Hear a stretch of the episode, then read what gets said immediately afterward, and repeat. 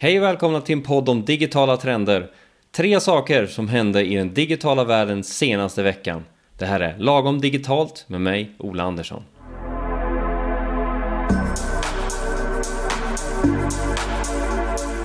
Den här veckans tre saker kommer handla om shoppingappar och Black Friday. Det kommer handla om Apple och allt vad de håller på med nu för tiden.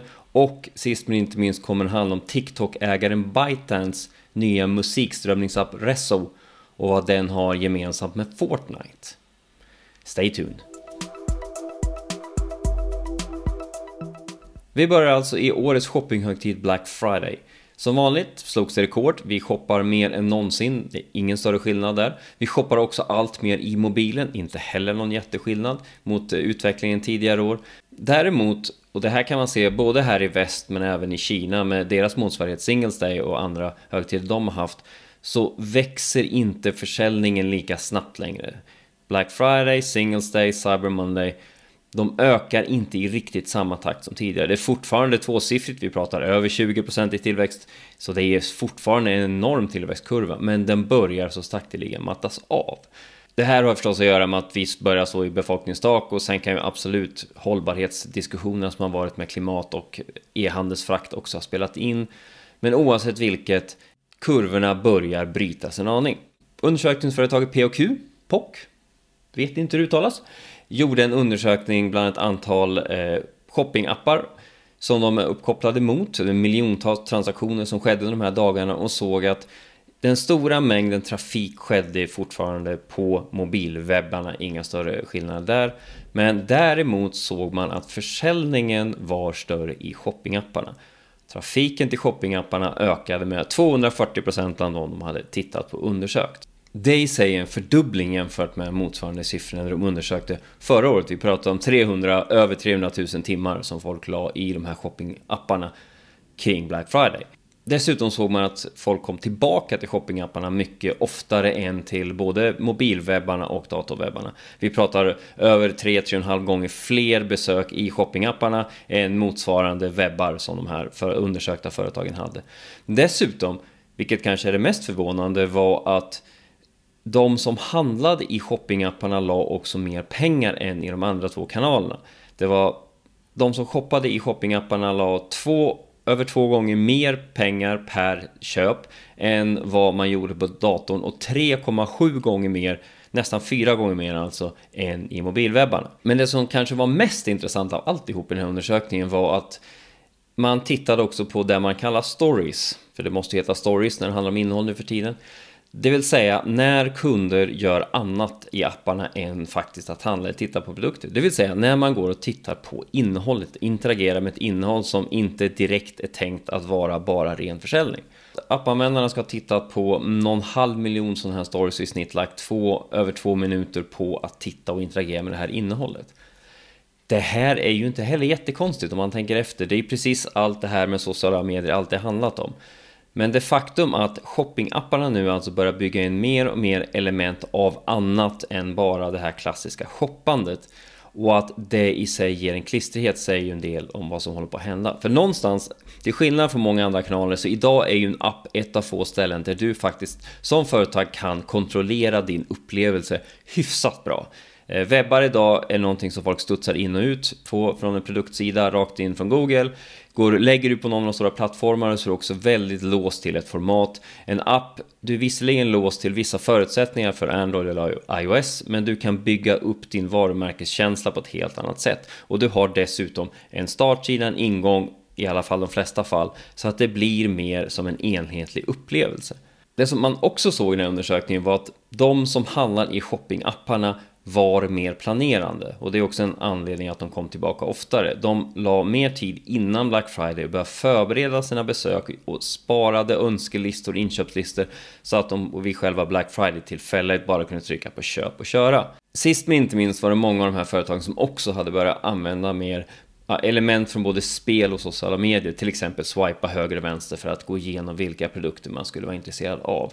Och allt det här på totalen gör ju att man inte längre bara har en shoppingapp rent krast som vi har vant oss vid, utan det är en shoppingapp som börjar få in mycket fler element, också mer sociala element, mycket mer spelelement, som gör att det blir lite mer, för att citera Alibaba eh, grundaren Jack Ma kul att handla, lite mer underhållning att handla. Och det är någonstans ändå där det handlar om. Shoppingen är inte ett slutmål, utan shoppingen blir på något sätt en, en underhållning som man gör. Och själva köpet är bara en del av hela den underhållningen man får.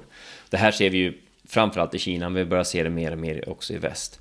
Men Tittar man på väldigt mycket shoppingappar och det här gäller ju även shoppingsajter så ser de ju exakt likadana ut som de har gjort sen, ja, sen egentligen 2000-talet började. Det är en produktlistning, du har filter, du sorterar, alla produktsidorna ser exakt likadana ut, du går igenom. De företag nu som börjar se på det här på ett nytt sätt och se att okej, okay, vi kanske inte bara ska vara rationella, snabba, det ska gå fort att klicka sig igenom, utan vi ska börja ha den här relationen man vill ha med kunderna. Ja, men då måste man också bygga någonting som är värt att ha en relation kring. Har du inte ett väldigt starkt varumärke så är produkter i sig inte det som man bygger en relation kring. Kort sagt, shoppingupplevelserna blir mer och mer multimediala och inte bara mediala till formatet utan också till innehåll, typ av kommunikation, ton och vad det faktiskt är att handla i slutändan. Dessutom när du sitter med en app så har du ju hela telefonen, all teknik, all funktionalitet som finns i hårdvaran. Vi som kunder förväntar oss att det här används. Vilket också är fortfarande väldigt få som gör. Så ska bli väldigt spännande att se om vi till nästa Black Friday kommer se ännu fler företag som faktiskt satsar på att göra en lite mer underhållande shoppingresa och att faktiskt skapa shopping, shoppingupplevelser, shoppingappar, shoppingwebbar som mer handlar om just bygga relation snarare än att sälja saker. Alltså content marketing på webb och appbyggarnivå. Om ett år vet vi om det har hänt någonting eller om det kommer bli ungefär som i år. Den andra punkten jag tänkte gå igenom är Apple, iPhone-tillverkaren, som ju nu allt mer håller på att ställa om till något annat. Den här veckan så slog Apple upp portarna för sitt nya Ja, prenumerera på en iPhone kan vi kalla det erbjudande. Det är du som Apple Card-användare alltså kan köpa en iPhone räntefritt, avbetalningsbart över 24 månader.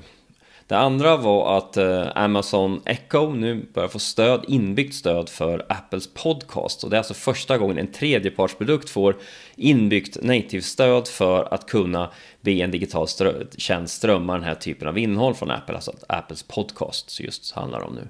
Tidigare har behövts AirPlay, att du går lite omvägar via annan teknik, men nu är det alltså inbyggt så att du kan be Alexa spela podcast ur Apples podcastkatalog.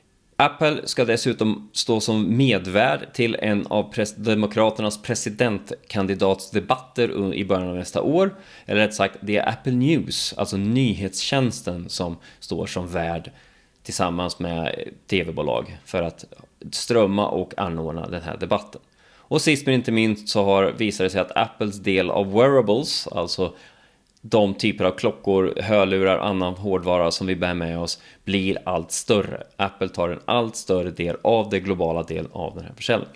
Det här är fyra saker som kan kännas lite spretiga, men det är fyra saker som väldigt mycket hänger ihop. Om vi börjar med det faktum att Apple nu har valt att aktivt satsa på att vara delaktiga i en, en presidentkandidatsdebatt, inte bara liksom sända den, utan faktiskt också stå som medarrangörer visar ju att Apple har tagit ett ganska stort steg framåt och att man dessutom låter nu Apple News-varumärket stå som avsändare formellt visar ju att nu tänker man satsa ordentligt på det här. Här har vi en jättebra nyhetstjänst, skaffa vår nyhetsapp som ju inte riktigt har flugit än. Eh, det här gäller ju både för att locka konsumenter, men det gäller också förstås för att locka tidningar in på plattformen. För det är det stora problemet Apple har med News, att man har inte riktigt fått in alla de tidningar och tidskrifter man hade velat ha för att göra en attraktiv tjänst. Dessutom, om vi då lägger på hela podcastinitiativet nu, att man faktiskt då blir del av Amazons Echo eh, hårdvaru ekosystem, ekosystem, så är det här både en del av hela podcast-trenden förstås och Apple har ju varit störst och de har varit lite, blivit lite fat cat för andra börjar komma, komma ikapp. Nu känner man att nu måste vi börja steppa upp här för det här håller ju inte längre. Men att man dessutom ser till att trycka ut det här i andra tjänster, inte bara i sitt eget hårdvarusystem, utan man trycker ut sina tjänster i annan hårdvara som inte är Apples egen. Det här har vi också sett att Apple har gjort flera drag under 2019 för att få till det här. Det handlar om, okej, okay, folk köper inte vår hårdvara, de vill envisas med att göra något annat, men då ska de åtminstone använda våra tjänster. Eftersom Apple ser ju någonstans att framtiden finns i tjänster och kan man dessutom få ut de här på fler ställen så blir man också mycket, mycket mindre beroende av plötsliga trendförändringar eller det faktum att folk tycker att en iPhone är för dyr så vi köper en annan. Mm, men du kan fortfarande skaffa ett nyhets Apple Music podcast abonnemang vad du vill ha TV+.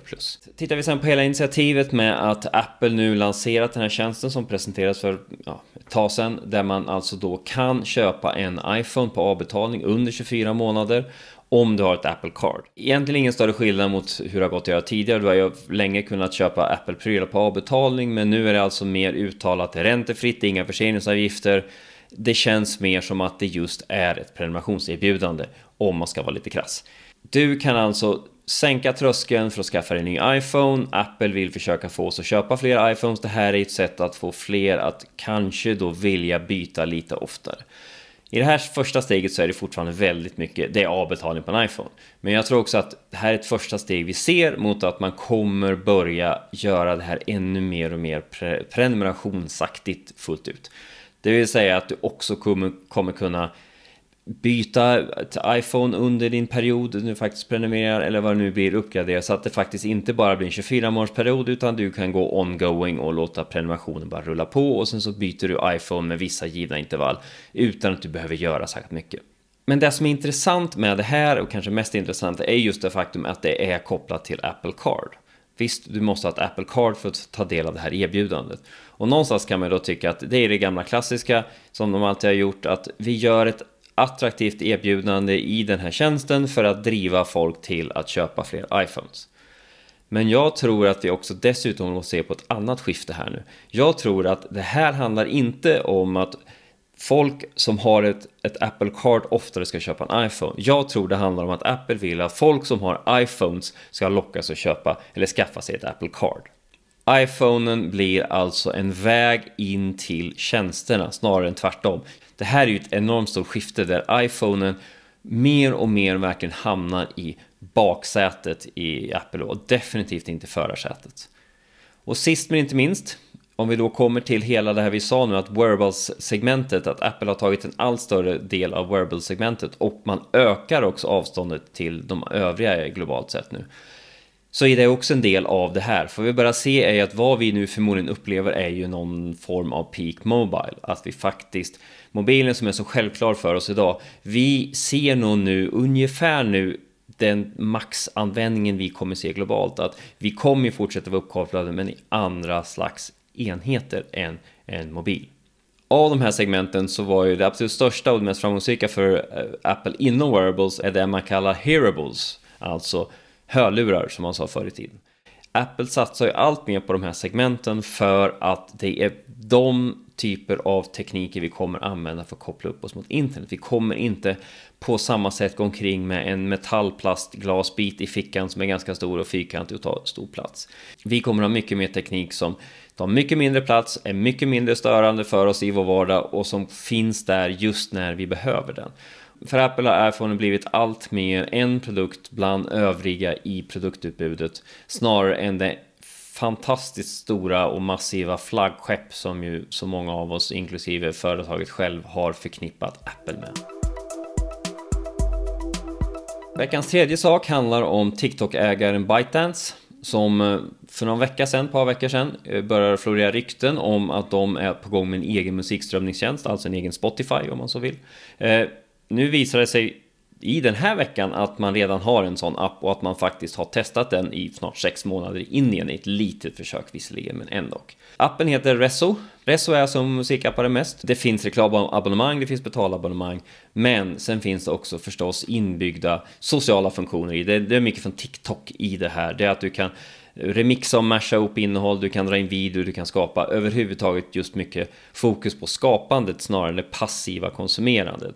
Och det här säger vi också, tittar man på både Spotify och Apple så försöker man ju få till samma sak, alltså att du ska tillbringa mer tid i själva appen med appen. Inte att du kör igång en spellista och sen dödar appen och låter den ligga och rulla i bakgrunden utan att du ska titta mycket mer på den. Att Resso förstås har realtidstexter som man kan karaoke sjunga med i precis som Apple redan har och som Spotify håller på att testa är förstås en sån sak. Det handlar om att ge det här, koppla på det här sociala lagret. Vi ser ju att Facebook gör lite samma sak med sina tjänster också, att musik blir dekaler, det blir annat, med del av användarnas skapande, att det ska bli en mer aktiv del av vad de faktiskt gör. Under veckan som gick så landade dessutom JJ Abrams, regissören till Star Wars-filmen som har premiär nu i veckan, ganska bokstavligt talat mitt i Fortnite. I Millennium Falcon. Hela det initiativet var för, förstås, för att marknadsföra nya Star Wars-filmen.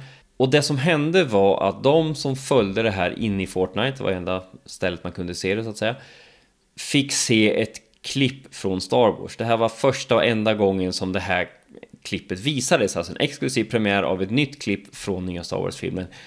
På en fysisk plats, om vi så säger, inne i Fortnite. Alltså på en biograf inne i Fortnite-världen så visades då det här klippet. Det är inte första gången ett sånt här typ av, av initiativ händer inne i Fortnite. För ett tag sen så var ju musikern, eh, artisten Marshmello på plats och genomförde en livekonsert inne i Fortnite inför 10 miljoner eh, fans i publiken.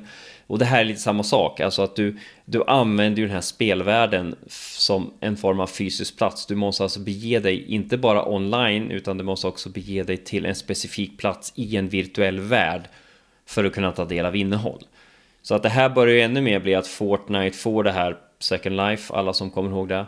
Att det verkligen börjar bli en digital tvilling fullt ut. Där man faktiskt inte bara spelar spelet utan man har också en stor del av det här sociala som online-spel ju alltid haft men som mer och mer börjar bli en viktigare del av, av umgänget in i spelet. Och det är alltså båda de här sakerna, både Reso och hela initiativet nu med Abrams och Fortnite är just att få mycket mer samskapande och engagemang och interaktion med kunderna och fansen i det här fallet. Det vill säga att man ser till att skapa produkter där de man säljer till och de som ska köpa en tjänst också ska använda den till att bli medskapare. Alltså att man uttalat bygger in den här typen av funktioner inne i de här världarna eller inne i de här apparna. Så att vi ska alltså använda de här tjänsterna, inte bara för det de är byggda för, utan att vi också dessutom ska bygga mycket mer själv och bygga vidare och utveckla det här spelet eller den här appen åt företagen som tillverka dem. Och vi ska dessutom förstås betala för det i och med att man betalar en fast avgift. Det här är ju egentligen också tillbaka lite grann det jag började prata om med shoppingapparna. Att det här är ju appar som, och spel i det här fallet, som börjar få mycket större funktioner och mycket fler innehåll och mycket fler tjänster. Långt bortom det som traditionellt hör till ett spel eller en musikapp. Ett socialt medium är inte längre ett nyhetsflöde. Socialt medium måste inte vara att du går till ett ställe som är uttalat socialt. Utan sociala delar är ju helt enkelt inbyggt som element i allting du gör. Eller omvänt, att shopping byggs in på ställen där shopping inte tidigare har funnits. Eller att innehåll, att nyheter, att Apple News dyker upp på ställen där det inte har funnits tidigare. Det är så att du går inte till en nyhetsapp, du går inte till en tidning, du går inte till ett spel, utan det här är tjänster där gränserna helt börjar suddas ut. Och just den här totala mashupen är vad vi kommer se mycket mer av de kommande tio åren. Internet har egentligen kan man säga de här senaste tio åren börjat för första gången hitta formen. Den börjar bli någon eget, det börjar bli något nytt. Det är inte bara 1900-tals fenomen upplagda på servrar. Och det här kommer ju förstås också ställa helt andra krav på alla som jobbar med digitala tjänster, marknadsföring, vad det nu må vara. Hur möter vi kunderna i en sån här kontext, i en sån här värld? Men framförallt, hur tar vi vara på den kreativitet som kan användas när man inte längre måste förhålla sig till en norm för vad ett socialt medium, en musikapp, en tidning, en butik, en shoppingapp etc. är. Det kommer med andra ord bli jättespännande om tio år när vi sitter här igen. Hur mycket kommer ha förändrats då? Hur mycket kommer vi se annorlunda på de här sakerna? Hur mycket kommer alla de här företagen tvingas förändra ganska grundläggande saker i sin verksamhet och inte minst mentalt? Och hur många nya företag har det dykt upp från vänster som faktiskt drar nytta av de här möjligheterna att kunna skapa en pop-up butik in i Fortnite. Det var veckans tre saker. Hoppas det gav någonting. Du kan också följa mig på YouTube. Du kan följa mig på LinkedIn där jag varje dag skriver om digitala händelser. Du kan också se min sajt olandersson.nu där jag samlar ihop alla spaningar jag gör under veckan. Så gör gärna det, så hörs vi om en vecka. Tack och hej!